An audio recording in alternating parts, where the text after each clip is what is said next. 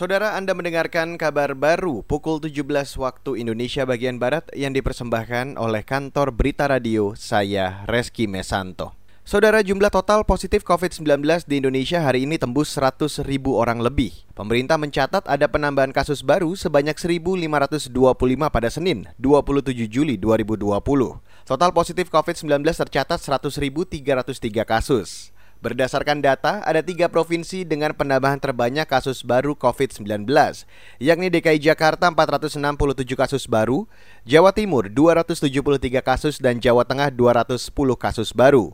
Pemerintah juga mencatat ada penambahan 1.518 pasien COVID-19 yang sembuh, sehingga total sembuh mencapai lebih dari 58.000 pasien. Sementara jumlah pasien meninggal bertambah 57 orang, total menjadi 4.800-an orang. Selain itu, ada lebih 54.000 orang tercatat berstatus suspek. Selama 24 jam terakhir, pemerintah mengklaim telah memeriksa lebih dari 13.000 spesimen. Beralih ke informasi selanjutnya, Presiden Joko Widodo hari ini melantik Idianto sebagai Gubernur Riau yang baru. Ini adalah kali ketiga Jokowi melantik Gubernur Riau dalam kurun waktu kurang dari lima tahun. Dalam pelantikan, Jokowi kembali mengambil sumpah gubernur sebelum bertugas. Sebelum Saudara Haji Estianto Esos MM mengucapkan sumpah sebagai Gubernur Kepulauan Riau, sisa masa jabatan tahun 2016-2021, terlebih dahulu saya akan bertanya, apakah saudara beragama Islam? Islam. Bersediakah saudara mengucapkan sumpah menurut agama Islam? Bersedia. Apabila demikian, saya minta saudara mengikuti dan mengulangi kata-kata saya.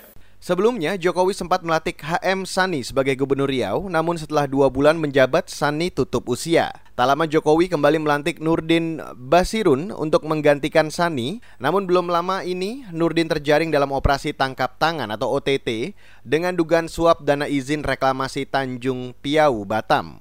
Pelantikan Isdianto ini tertuang dalam keputusan Presiden atau Kepres masa pengesahan dan pengangkatan Gubernur Kepri sisa masa jabatan 2016-2021. Saudara anggota Dewan Perwakilan Daerah atau DPD RI Gusti Kanjeng Ratu GKR Hemas meminta pembangunan makam tokoh Sunda Wiwitan di Cigugur, Kabupaten Kuningan, Jawa Barat dilanjutkan. Ini disampaikannya setelah meninjau langsung lokasi pembangunan makam yang sudah disegel Pemkat setempat.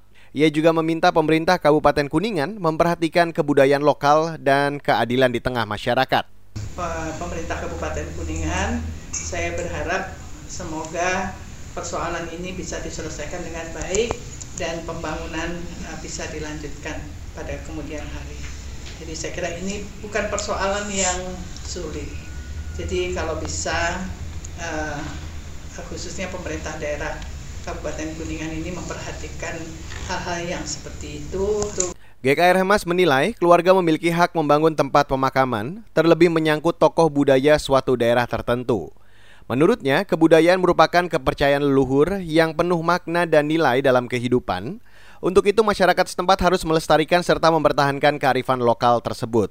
Ia menyatakan siap menjadi mediator masalah pembangunan makam tersebut. Sebelumnya, Pemkap Kuningan menyegel pembangunan makam Sunda Wiwitan dengan alasan belum memiliki izin mendirikan bangunan atau IMB. Namun hal ini diprotes oleh masyarakat adat Karuhun Urang atau Akur. Demikian kabar baru KBR saya Reski Mesanto.